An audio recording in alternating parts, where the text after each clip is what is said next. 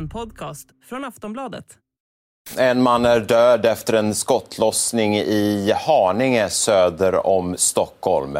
Det var tidigare kväll som larmet om höga smällar kom in från området runt Haninge centrum och på plats så kunde polisen hitta en svårt skadad man som alltså skjutits med ett eh, flertal skott.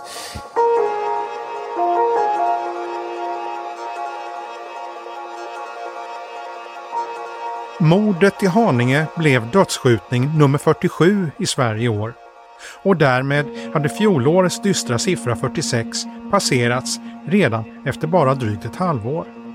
Offret hade under flera år varit involverad i en av Stockholms blodigaste gängkonflikter som pågått i nära tio år och krävt nästan lika många liv. En strid där tidigare vänner nu plötsligt blivit varandras dödsfiender. Det här är Östbergakonflikten.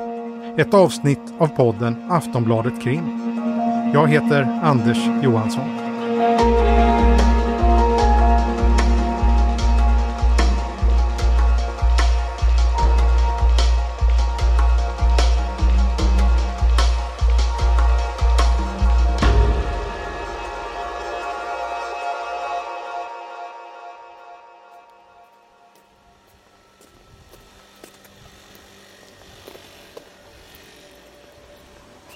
Det här avsnittet börjar vi på Södermalm i Stockholm.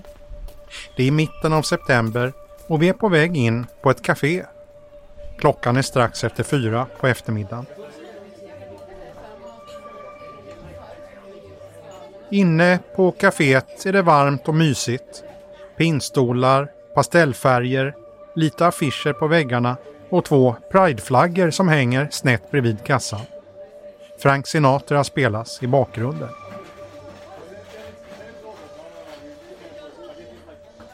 Just idag sitter det några barnfamiljer här och fikar. Ett barn som är lite för stort för barnstol har fastnat i just en barnstol. Mamma får hjälpa till.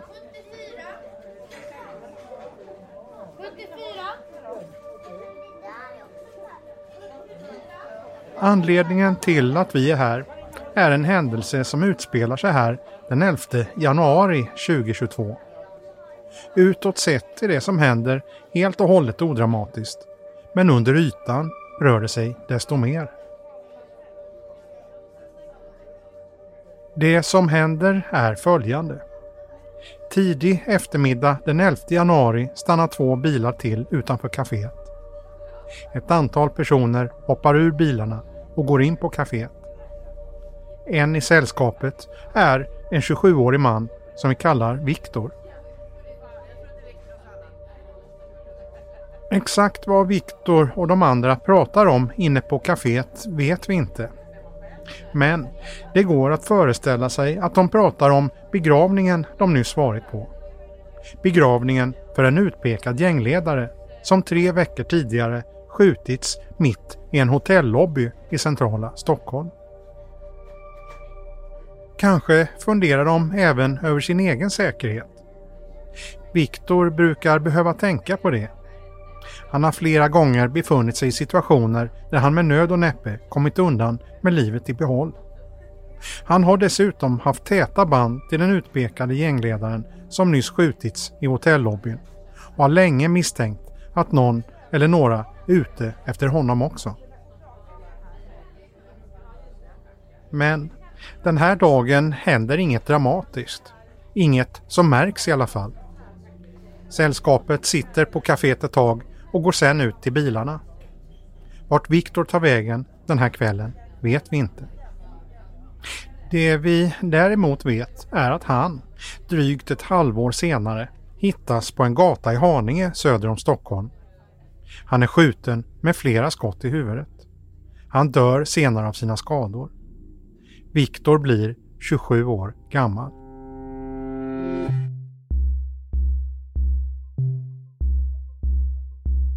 Det här är berättelsen om en av Sveriges blodigaste gängstrider, Östbergakonflikten. Det är en historia som börjar med anklagelser om att någon stulit kokain, men som med åren kräver liv efter liv efter liv. I konflikten har vänner blivit fiender och fiender blivit vänner. Nu, nästan tio år efter konfliktens början, har den lett fram till en tingssal i södra Stockholm.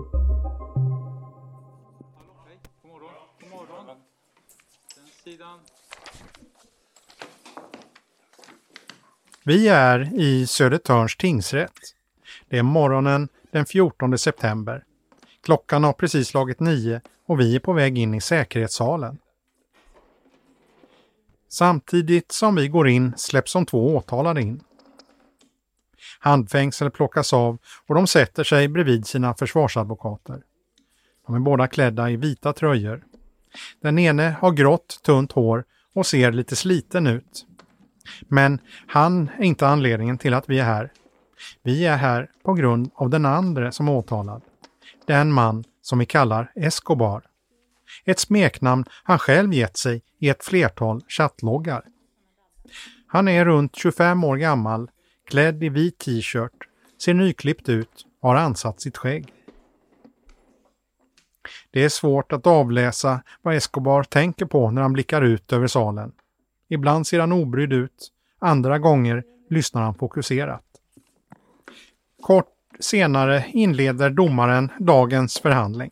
Då ska vi hålla huvudförhandling i detta mål. Mitt namn är Kian Amraj, ordförande i rätten. Jag har med mig tre nämndemän som dömer tillsammans med mig. På åhörarplats har ett tiotal personer samlats. Flera som tycks vara vänner till de åtalade, några män i 50-60-årsåldern. Alla lyssnar uppmärksamt när domaren pratar. En yngre kille klädd i dunväst sitter och skakar på ena benet. Efter en del formalia lämnar domaren över ordet till åklagaren Eva Wintzell som får berätta vad det här målet handlar om. Vi har då ett yrkande enligt en något justerad beskrivning som gavs in igår som jag antar att ni har fått. Mm. Ja. Som är daterad den 13. Eh, och det är det då endast eh, och det yrkas då ansvar för förberedelse till mord, i andra hand anstiftan förberedelse till mord, i tredje hand stämpling till mord.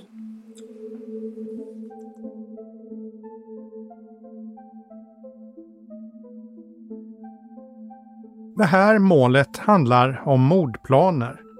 Mordplaner som enligt åtalet aldrig går i lås, men där de utpekade offren senare kommer att mördas. Det är en snårig och blodig historia som kretsar kring den kriminella gruppering som gått under namnet Östberga-nätverket. Östberga-nätverket är vad polisen brukar kalla för ett lokalt förankrat kriminellt nätverk, så det är en gruppering av kriminella som samlas vid ett geografiskt område. Det här är Kristoffer Nilsson, reporter på Aftonbladet som bevakat gängkriminaliteten i flera år. Och historiskt så har Östberga styrts av en brödraskara i en familj. De här bröderna har haft tydliga ledarroller och bedöms vara de som har styrt eh, vad, vad nätverket ska ägna sig åt. Ja, nätverket har enligt polisen framförallt styrts av fyra bröder. Själva gänget har också varit tydligt knutet till en specifik plats. De har bott i ett höghus uppe på Östbergahöjden och deras eh, bostad har blivit något av en samlingsplats för alla ungdomar som har genom åren kunnat rekryteras in. På vissa sätt liknar Östberganätverket andra kriminella gäng i Stockholms förorter. Men på några sätt sticker nätverket ut de, de flesta lokala nätverken, de, de bedriver sin eh, kriminalitet på platsen. Eh, Vårbynätverket säljer mycket i Vårby och så vidare. Men Östberga är en väldigt dålig plats om man ska syssla med mycket eh, narkotikaförsäljning. Den ligger liksom isolerat eh, högt upp på en kulle och det går en lång, lång backe upp det här gör att Östberga framförallt tycks ha ägnat sig åt att köra ut narkotika till köpare över hela Stockholm. Men det är inte det enda som är speciellt med nätverket. Östberga-nätverket är ehm, inblandade i några av de värsta våldsspiralerna som Stockholmspolisen har sett. Ja, Östberga-nätverket har under nästan tio års tid knutits till en våldsspiral som krävt ett flertal liv för att förstå det hela tar vi det från början. Och allt börjar för snart tio år sedan. Ja, det börjar ju sommaren 2013. Då är det en person med kopplingar till Östberga-nätverket som skjuts flera gånger i underkroppen. Och bakgrunden till det ska vara en eh, narkotikaaffär som på något sätt har gått snett. Och de som misstänks ha utfört skjutningen det är Bredängsnätverket. Det här är liksom startskottet på konflikten mellan Östberga-nätverket och Bredängsnätverket. Den här konflikten ska leda till ett flertal mord. Och det som verkligen får våldsspiralen att börja snurra är att en av de fyra Östbergabröderna skjuts ihjäl. Dagen efter sker ytterligare ett mord. Det beskrivs som ett hämndmord. Och där någonstans är den här våldsspiralen liksom bortom kontroll. Sen följer flera våldsdåd. I ett av dem skjuts en utpekad ledare för Bredängsnätverket ihjäl. Enligt polisen kan uppemot tio mord kopplas till striden mellan de två nätverken. Men sen händer något. Det är eh, i sommaren 2020. Då skjuts en man med kopplingar till Östberga-nätverket ihjäl. Men polisen märker ganska snabbt att för första gången här så, så är det inte i Bredäng man letar efter en skytt utan det här tror man är en intern uppgörelse. Ja, inledningsvis är det lätt att tolka mordet som ännu ett dåd i konflikten mellan de två nätverken. Men polisen märker snabbt att något inte stämmer. Den här skjutningen verkar inte vara kopplad till konflikten utan polisen tror att det handlar om en intern uppgörelse inom Östberga. Anledningen till att just det här mordet ska få så stora konsekvenser har att göra med den mördade mannens familjebild. En framträdande medlem ur Östberga-nätverket är bror till mannen som skjuts ihjäl. Det är här Escobar kommer in i bilden. Mannen vi träffade som snabbast i rättssalen i början av avsnittet. Han har under flera år haft en tongivande roll i Östberga-nätverket och tycks ha varit mycket nära ledarbröderna. Men någonting har skurit sig. Den här då mannen som vi brukar kalla för Escobar har hamnat i konflikt med det ledande skiktet i Östberga. De här eh, ledarbröderna, om man nu kallar dem så. Ledarbröderna anser att Escobar och hans bror undanhåller de eh, brottsvinster Escobar och hans bror anklagar å sin sida ledarbröderna för att ha stulit tillbaka pengarna. Så det, det är en konflikt om, om pengar och, och som eh, väldigt snabbt utvecklas till en, en blodskonflikt när då Escobars bror skjuts ihjäl. Mordet ska förändra allt för Östberga-nätverket. Mordet på brodern är än idag ouppklarat men enligt polisen leder det till att nätverket splittras i två delar. I det nya Östberga så är det den här då mannen Escobar som är den tydliga ledaren. Det märker man vid kontroller att han är den som för eh, talan när han kontrollerar tillsammans med andra medlemmar. Eh, och på motsatt sida då i det gamla Östberga så är det fortfarande då de, de då kvarlevande bröderna ur den här ledande familjen. Några månader efter broderns död träffar en polis Escobar på en trampolinpark. Och han berättar då väldigt öppet om ett starkt hat och hämndbegär. Att han vill krossa de här nu som han ser som sina fiender. Och han berättar att det här var min familj tidigare. De var som mina bröder. Det här hämndbegäret tycks enligt polisen sätta en plan i rörelse. En plan som enligt åklagaren bygger på ett närmast osannolikt samarbete. Ja, för det vi ser i eh, det här åtalet nu som har gått till rättegång är ju resultatet av en ohelig allians eh, då, som var åklagaren gällande mellan Escobar och hans tidigare svurna fiender ur Bredängsnätverket.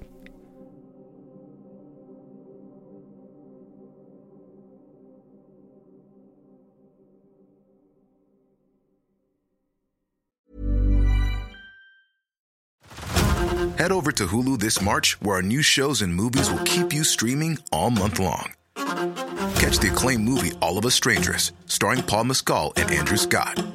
Stream the new Hulu original limited series We Were the Lucky Ones with Joey King and Logan Lerman. And don't forget about Grey's Anatomy. Every Grey's episode ever is now streaming on Hulu. So, what are you waiting for? Go stream something new on Hulu.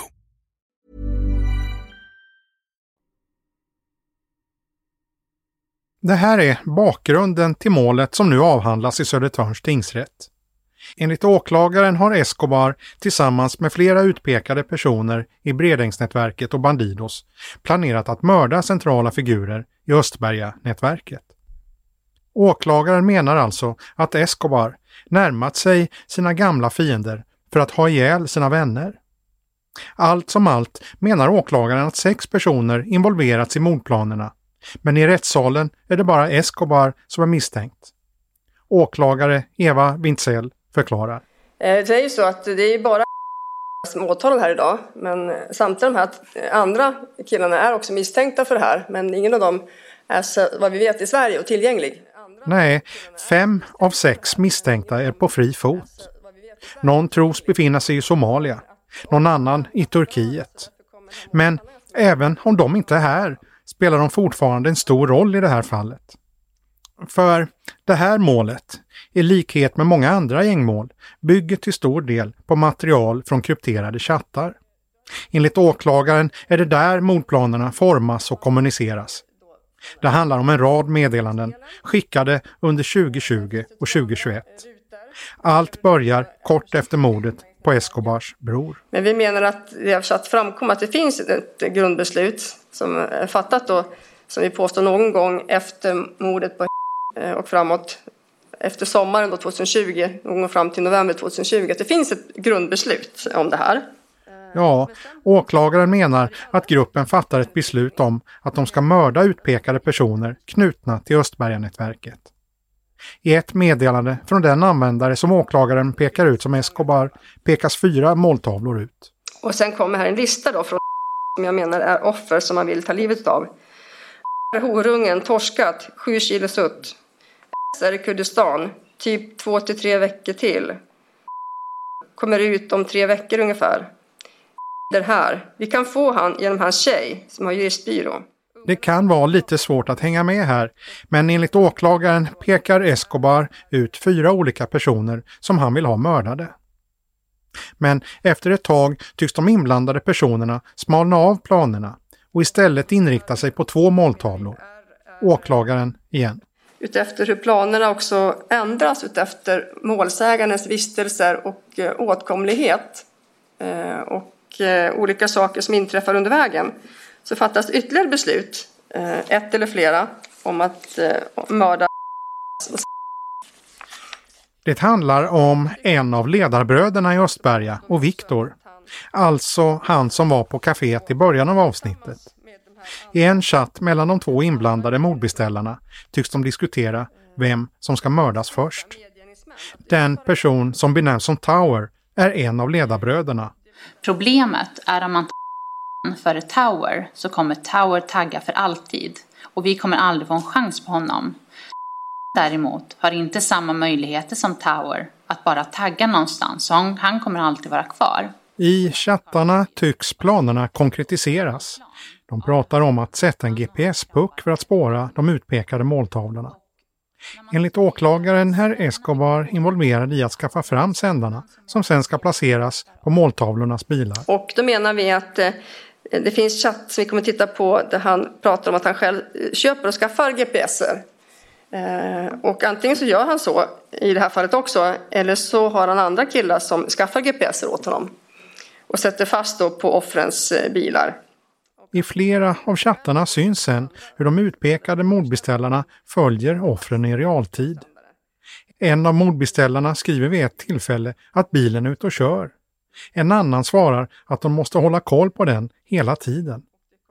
Vid ett annat tillfälle blir det problem eftersom batteriet på spårsändaren tar slut. Eh, Och det finns ju då, vi har inte något spårsändarbeslag heller, men vi kan konstatera att det finns ju då GPSer med realtidsspårning och det kommer vi se i chatten också hur man exakt vet var offren befinner sig.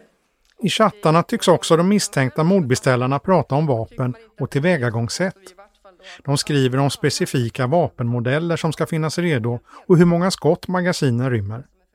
Det talas också om en lägenhet ordnad som gömställe för skyttarna. En tryckarlägenhet.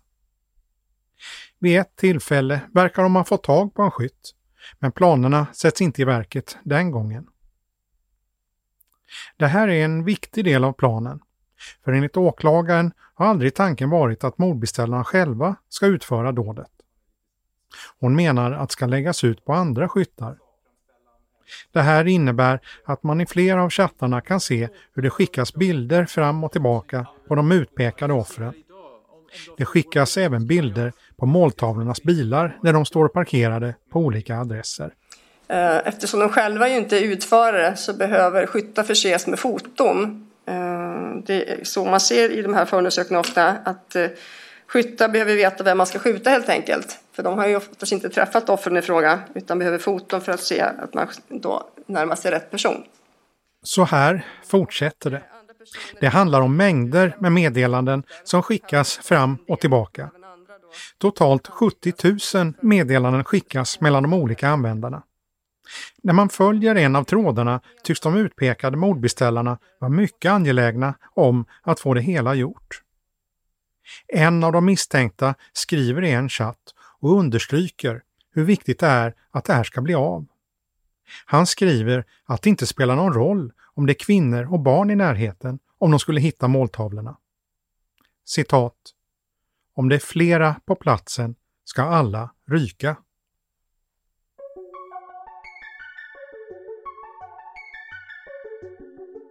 Enligt åklagaren fortsätter planerna fram till i mars 2021. Men där tar spåren i chattarna slut.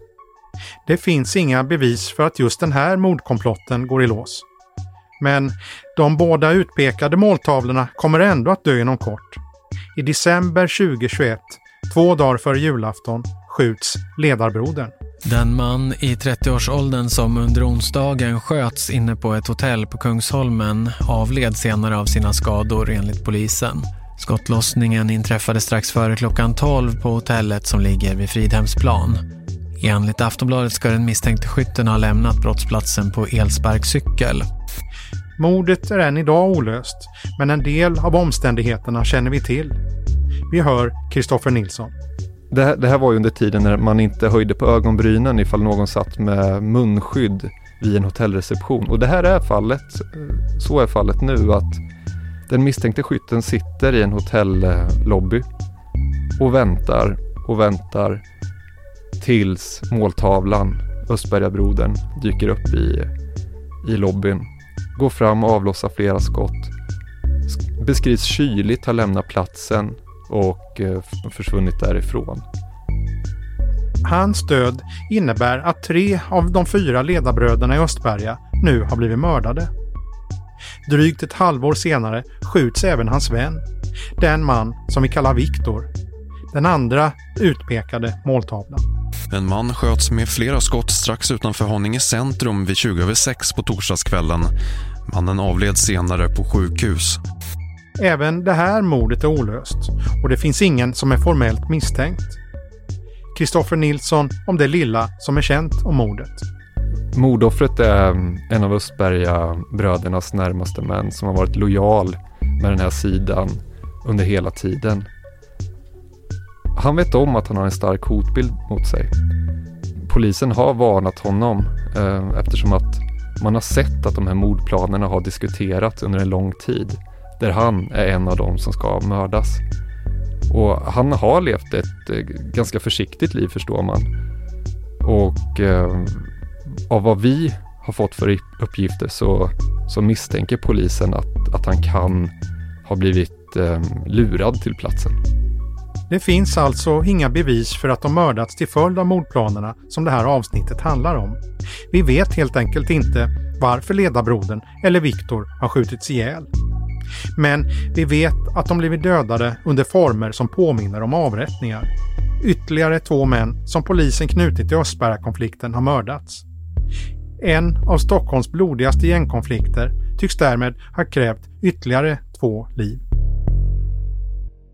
För polisen så är ju det här en av de eh, värsta eh, konflikterna som, som har rasat i Stockholm. Eh, och om man då backar till 2013 så är det ju väldigt många mord som har inträffat. Sedan förstår man också på polisens beskrivningar att eh, det handlar både Bredängskonflikten och den interna konflikten om att det är sådana sådana sår som, som man inte tror går att lösa. Så det är våldsspiraler som eh, jag tror man inte egentligen har något hopp om att de ska sluta av sig själv. Och, och ingen av de inblandade när man ser i hur de har kommunicerat med varandra har ju heller gett någon sån antydan. Hur många allvarliga brott kan kopplas till den här konflikten egentligen? Ja, men går man tillbaka till eh, 2013 och framåt, vilket gör att vi pratar om både Bredängsnätverket och den interna Östberga-konflikten, så, så kan polisen koppla åtminstone ett tiotal mord och flera mordförsök eh, till det här. Och, så det rör sig om väldigt många allvarliga brott. Eh, det finns eh, misstankar om sprängattentat och så vidare, eh, grova misshandlar. Men eh, den totala summan är ju såklart svårt att ha någon riktig överblick om, men, men åtminstone är det vad, vad polisen kan, kan misstänka. Och konflikten tycks ju röra inkomster från den brottsliga verksamheten. Är det en vanlig förklaring till de gängkopplade skjutningarna som vi ser idag? Ja, och delvis nej skulle jag nästan säga för att både konflikten Östberga-nätverket och Bredäng och den här interna konflikten, ja det startar om narkotika och pengar. Och, och det har vi även sett i, i många andra gängkonflikter eh, i Sverige. Men det övergår ganska snabbt till något annat. Och delvis så, så handlar det om hur, hur tröskeln för att skjuta ihjäl någon har blivit väldigt låg. Man har blivit utsatt för vad man uppfattar som en kränkning och, och svaret blir mord. Um, det är ju någonting flera kriminologer har, har pratat om och liksom varnat för hur, hur det klimatet har blivit så mycket hårdare. Så ja, det, det handlar ofta om narkotika och pengar i, till en början, men, men det som driver på Eh, spiralerna är ju de här hämnddåden.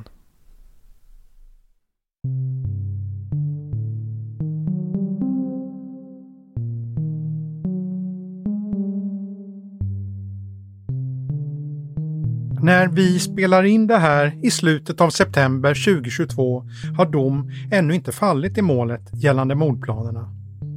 Escobar är inte dömd och ska därmed betraktas som oskyldig. Det är värt att påpeka igen att varken åklagare eller polis gör någon koppling mellan de här mordplanerna och faktumet att offren nu har dött.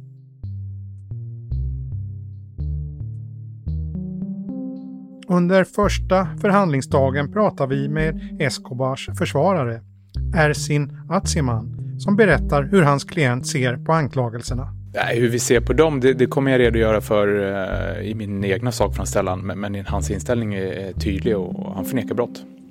Kan du säga någonting kring, de försöker koppla honom till eh, vissa konton eh, på sådana här Sky SSC-mobiler. Vad är hans inställning till det? Ja, det är inte han som chattar helt enkelt. Han förnekar brott och, och det är inte han som ligger bakom de här kontona. Gängvåldet med de dödliga skjutningarna tycks aldrig ta slut. Tvärtom tycks de öka. Vad är förklaringen och vad kan göras? Vi ställde frågan till en person som har en närmast unik inblick i hur de kriminella gängen fungerar. Författaren och tidigare advokaten Evin Settin. I boken Mitt ibland oss ställer hon och medförfattaren Jens Liljestrand frågan hur dödsskjutningar bland unga män blev en del av vardagslunken i ett av världens rikaste länder. Evin Settin ser flera förklaringar. Men det finns en som är återkommande en tydlig del som man måste se det är när det är barndomsvänner och vänner som själva har hållit på med narkotikaaffärer och när de helt plötsligt börjar sätta pris på, på varandras huvud eller beställa mord eh, från någon annan. Då inser, måste man ju hitta liksom själva förklaringen i det. Och i de killar jag har mött och i de fall jag har haft ganska tydligt så ser man att narkotikan är själva grunden. Det handlar om hur partnerskapet har varit. Det handlar om hur man ser på hur man ska ta marknadsandelar. Det handlar också om om man anser att den ena rent ekonomiskt har lurat den eller inte. Så jag ser ju en av grunderna till skjutningarna bland barndomsvänner. Eh, det menar jag med att, att narkotikan är själva grunden till själva konflikten. Eh, till när konflikten börjar mellan dem. Förutom strid om narkotika och pengar finns det ytterligare förklaringar, säger Evin Settin. En del av förklaringen handlar också, i alla fall i de killar som jag har mött, är att deras tillstånd är inte det mest stabila. Tidigare har de haft en erfarenhet av att vara jagade bara utav polisen. Där de har känt en trygghet i det geografiska område de har bott, i det, det området de har varit. Men nu har ju det hänt någonting annat. När man hamnar i en konflikt med en person från samma geografiska område så hamnar man i den situationen att man inte har trygghet någonstans. Och Det gör ju att stämningen blir mer hotfull. Den trygghet man har haft tidigare och de vänner som har backat upp en gör ju inte det. Eh, det i kombination med att många av de killar som jag har mött har ett allvarligt missbruk gör ju att deras bedömningar, eh, analyser utav situationer eh, men också deras psykoser gör att de kan ta fruktansvärda beslut. Missbruket pratar vi alldeles för sällan om.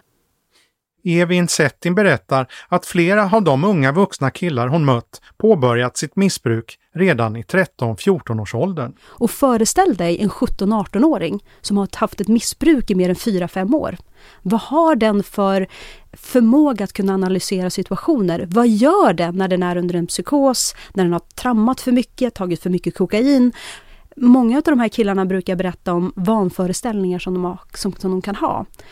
Och med det trycket att både hålla sig undan polisen, men att också hålla sig undan från sina barndomsvänner som har all information om en.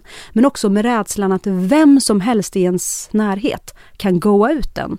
Det gör ju någonting att stämningen blir väldigt liksom pressad och väldigt, väldigt hård.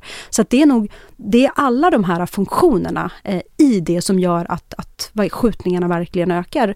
En av killarna säger så här att, jag, jag frågade honom så här, vad ska man göra för att stoppa det där? Och han sa så här, när någon har satt ett pris på ens huvud så är det för sent.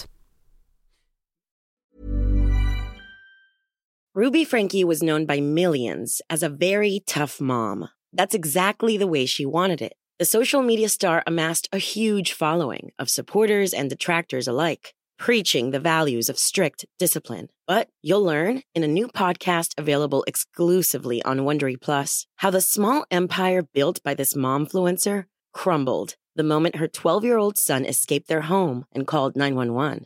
Wondery and Law and Crime bring you the new podcast the Rise and Fall of Ruby Frankie, which explores the allegations of starvation, torture, and emotional abuse leveled against Frankie and her business partner, Jody Hildebrandt. Learn about the family's path to stardom, the depravity investigators uncovered inside the home, and hear in depth analysis of the ongoing criminal trial. Listen to the rise and fall of Ruby Frankie exclusively and ad free on Wondery Plus.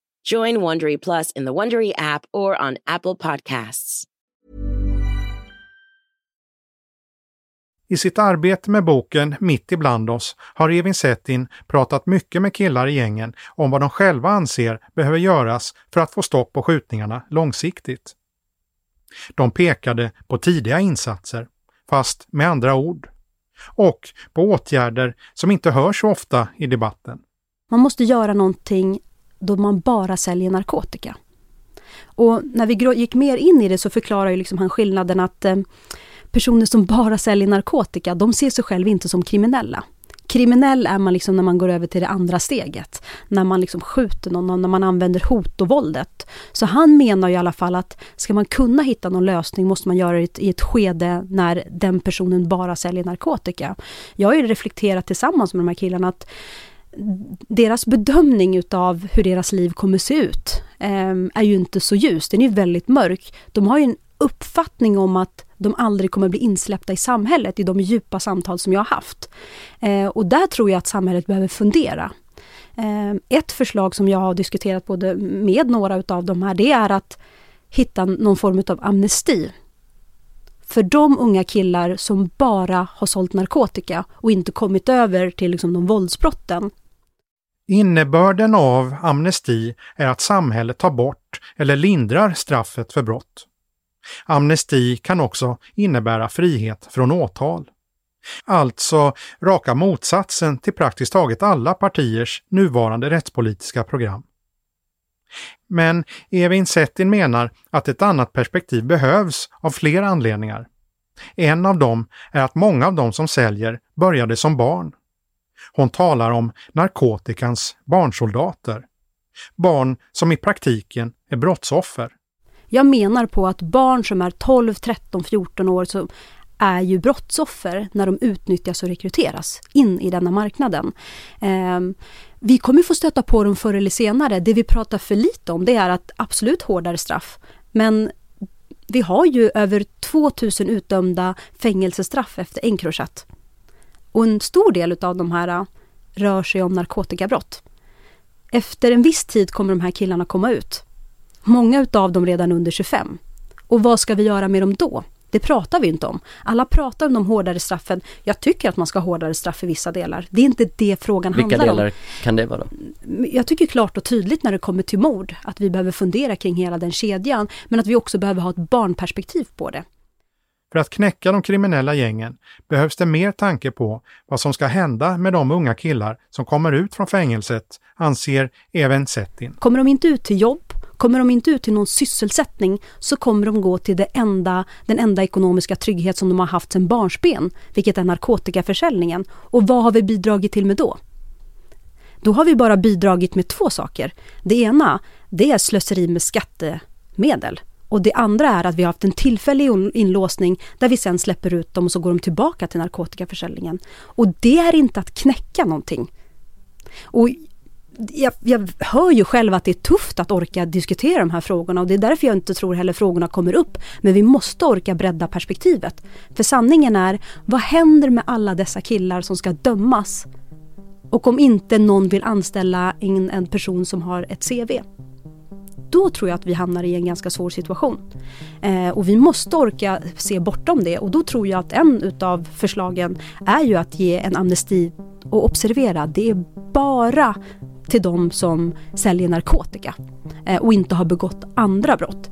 Eh, inte liksom begått hot eller våld eller genomfört någon form av våld mot, mot en person.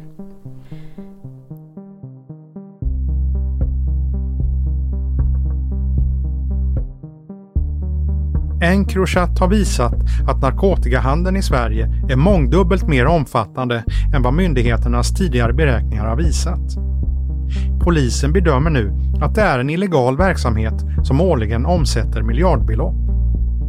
Evin Settin, tidigare partipolitiskt engagerad men nu fri debattör, menar att det kanske aldrig går att knäcka gängen utan att samtidigt angripa narkotikamarknaden.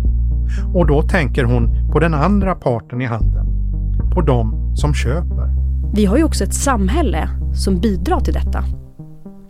En av killarna sa ganska tydligt till mig, han sa så här, utan dem så är vi ingenting. De är en del utav det här och då menar han alla de som bidrar till att vi har en miljardindustri på narkotikaförsäljning i Sverige. Och den miljardindustrin är jättestor. Och vi måste fråga oss, och det är därför jag kommer tillbaka till den grundläggande frågan, kan vi knäcka gängkriminaliteten utan knäcka narkotikaomsättningen? Eh, vi, vi, diskuterar ju, polisen säger det, politikerna säger det. För varje ung kille som häktas, fängslas eller som dör så ersätts det ju med en ny. Och vi måste ställa oss frågan varför behöver det ens ersättas med en ny?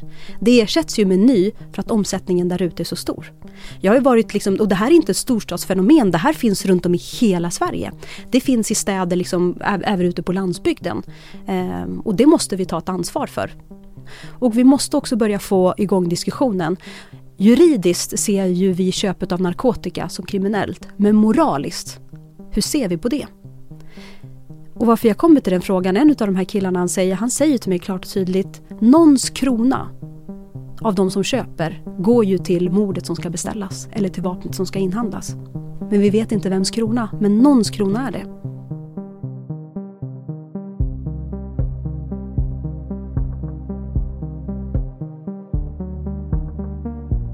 Du har lyssnat på ett avsnitt av Aftonbladet Krim. Klippen i programmet kommer från Sveriges Radio. Producent var Marcus Ulfsand. Jag heter Anders Johansson.